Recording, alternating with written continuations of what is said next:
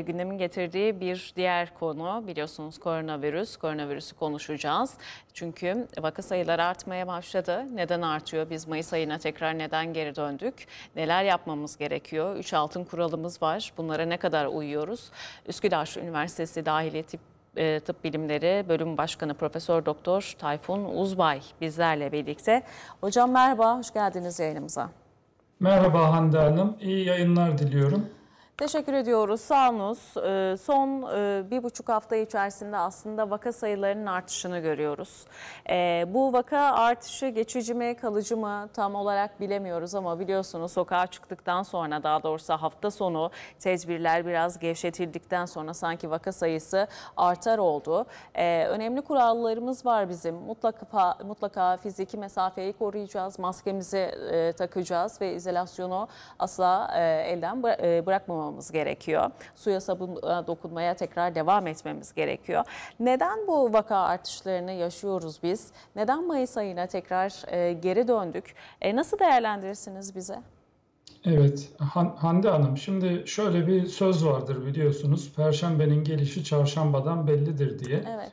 E, zaten bu yeni normalleşme sürecine girdikten sonra maalesef hani genel hatlarıyla e, vatandaşlarımız bu işi çok fazla içselleştirmediler. E, yani tamam bir taraftan e, bu normalleşmeye geçmemiz gerekiyor muydu? E, aslında gerekiyordu. Neden? Kontrol altına alındı. E, yani salgın kontrol altına alındı. Şimdi salgın kontrol altına alındıktan sonra e, bunun en önemli parçası, en önemli paydaşı insanlar, insan faktörü. Yani bizim vatandaşlarımız. Onlar uyacaklar ki birçok kurallara e, bu elde ettiğimiz e, kontrolle ilgili elde ettiğimiz başarı stabil kalsın, sürekli bir süreklilik kazansın ve zaman içerisinde de vakalar azalarak e, virüs tamamen ortadan kaybolsun. Gönlümüz bunu istiyordu. Ekonomi çarklarının dönebilmesi için de yavaş yavaş bu normalleşmeye gitmeye ihtiyaç vardı. Bunu da Türkiye özelinde sadece Türkiye yapmadı. Yani dünya da yapıyor gördüğünüz gibi. E, seyre göre e, yavaş yavaş normal hayata geçilmeye çalışılıyor. E, neden oldu? Kurallara uymadığımız için oldu. Toplu, yani bireysel tedbirler yetersiz mi kaldı? İki buçuk, yani üç ay şimdi, boyunca aslında hem uzmanlar hem basın mensupları bunu sürekli dile getirdi. Bireysel tedbirlerimize önem vermiyor muyuz biz? İşte, şimdi evet. Buyurun. Buyurun. Ee, şimdi bireysel tedbirler, benim tek başıma tedbir almam beni korur. Bakın elimden geldiği kadar e, beni korur. Sizin tek başına bireysel tedbirlere uymanız sizi korur.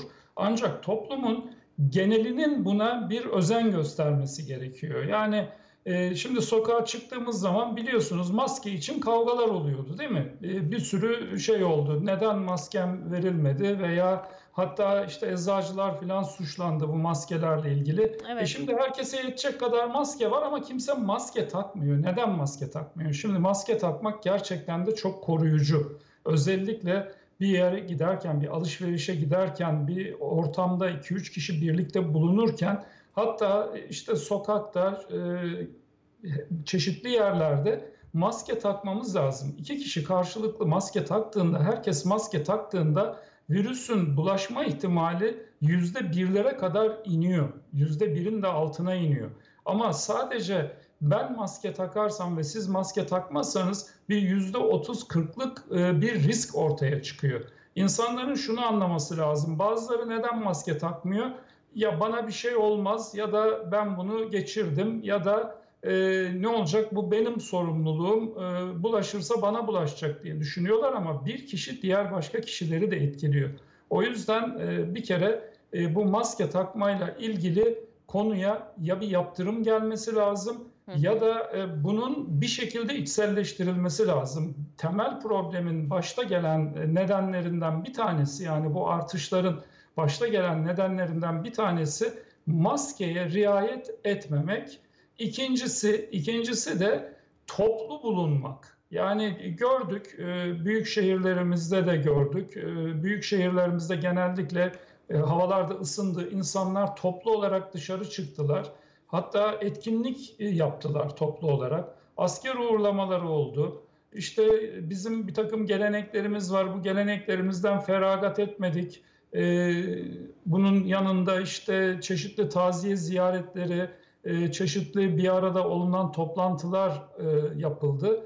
Yani bu bir toplu olmak, toplu bir arada bulunmak, bir de maske takmamak. Bu ikisine uymadığımız için artışlar görüyoruz. Bu devam eder mi e, sorunuza cevaben? Eğer bu laçkalık devam ederse, yani insanların bu vurdum duymazlığı devam ederse e, en azından düşüşleri görmeyeceğiz. E, düşüş görmememizde belli bir süre sonra yaptırımların tekrar gündeme gelmesi şeklinde olabilir ki bu yaz sıcaklarında içeride kalmak da hiç hoş olmayacak.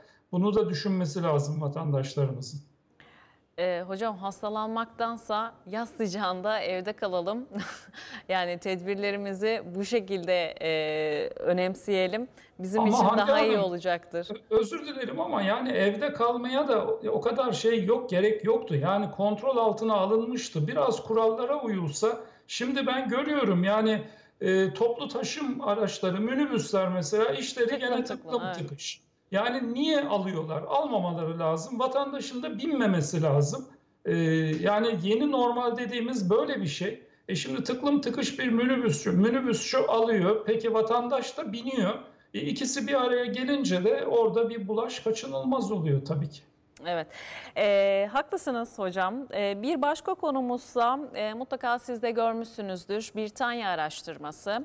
Ee, Covid-19'da ölüm oranını düşüren ilk ilaç tespit edildi.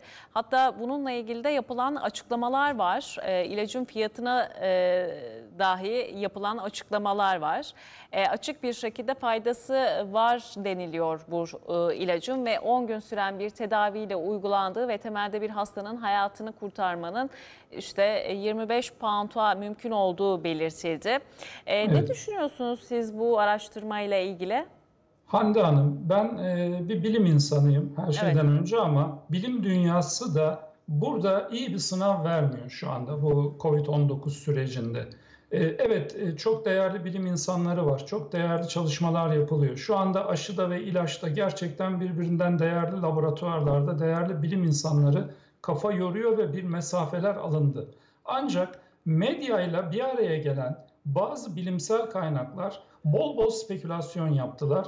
Bu da onlardan bir tanesi kanaatimce. Bu kadar kısa süre içerisinde bilinen birçok ilaç, bir sürü ilaç gündeme geldi biliyorsunuz. Vitaminlerden başladık. C vitamini, D vitamini, hidroksiklorokin çok tartışıldı. Evet. Başka bir takım ilaçlar tartışıldı. Dornazalfalar gündeme geldi. Şimdi hangi birini sayayım ben size? Bununla ilgili baktığım zaman ben de bir ilaç uzmanıyım. Evet. E, makaleleri de takip ediyorum. Yani neredeyse aklınıza gelebilecek her ilaç bu işin içine girmiş durumda. E, bu en son İngiltere'deki haberle ilgili de biliyoruz. Ben e, şunu tavsiye ediyorum. Burada kanıta dayalı net bir bilgi henüz yok. Spekülatif bilgiler var. Bu bilgilerin bazıları daha sonra çok değerli dergilerde yayınlanmış olsa bile ya geri çekilmek zorunda kalınıyor ya da bunlarda altını çizerek söylüyorum bazı etik ihlaller ortaya çıkıyor. Ee, böyle bir şey olsa yani 25 pound'a çok kısa sürede bu işi bitiren bir şey olsa hepimiz 25 pound kişi başına dünya vermeye hazır. Yani bu iş kökünden çözülür gider. Ha görülen nedir? E, klinikte bir takım e, etkiler görüyorlar. Hastanın durumuna göre, hastalığın seyrine göre bazı ilaçlar bakın belirti seviyesinde hastalığın birçok belirtisi var. Önce bunu bir altını çizelim. İki, kişiye göre değişen belirtileri var bu hastalığın ve kişilerin de çeşitli ilaç tedavilerine farklı verdikleri cevaplar var. Belli kesitler içerisinde bazı ilaçlar bazı belirtilerin iyileşmesine, hastaların hastanede daha az süre kalmasına yardımcı olabiliyor. Bu kesin bir tedavi anlamına gelmiyor. Bu herkeste mutlaka e, ilacın etkili olacağı anlamına da gelmiyor. Keşke böyle bir şey olsa. Böyle bir şeye ulaşsak zaten bu salgını hiç konuşmayız bir ay içinde. Evet. Hocam çok teşekkür ediyorum. Sağ olunuz habere katkınızdan dolayı. Ben teşekkür ederim. İyi yayınlar diliyorum. Teşekkürler. Evet sayın seyirciler Üsküdar Üniversitesi Dahiliye Tıp Bilimleri Bölüm Başkanı Profesör Doktor Tayfun Uzbay'la konuştuk.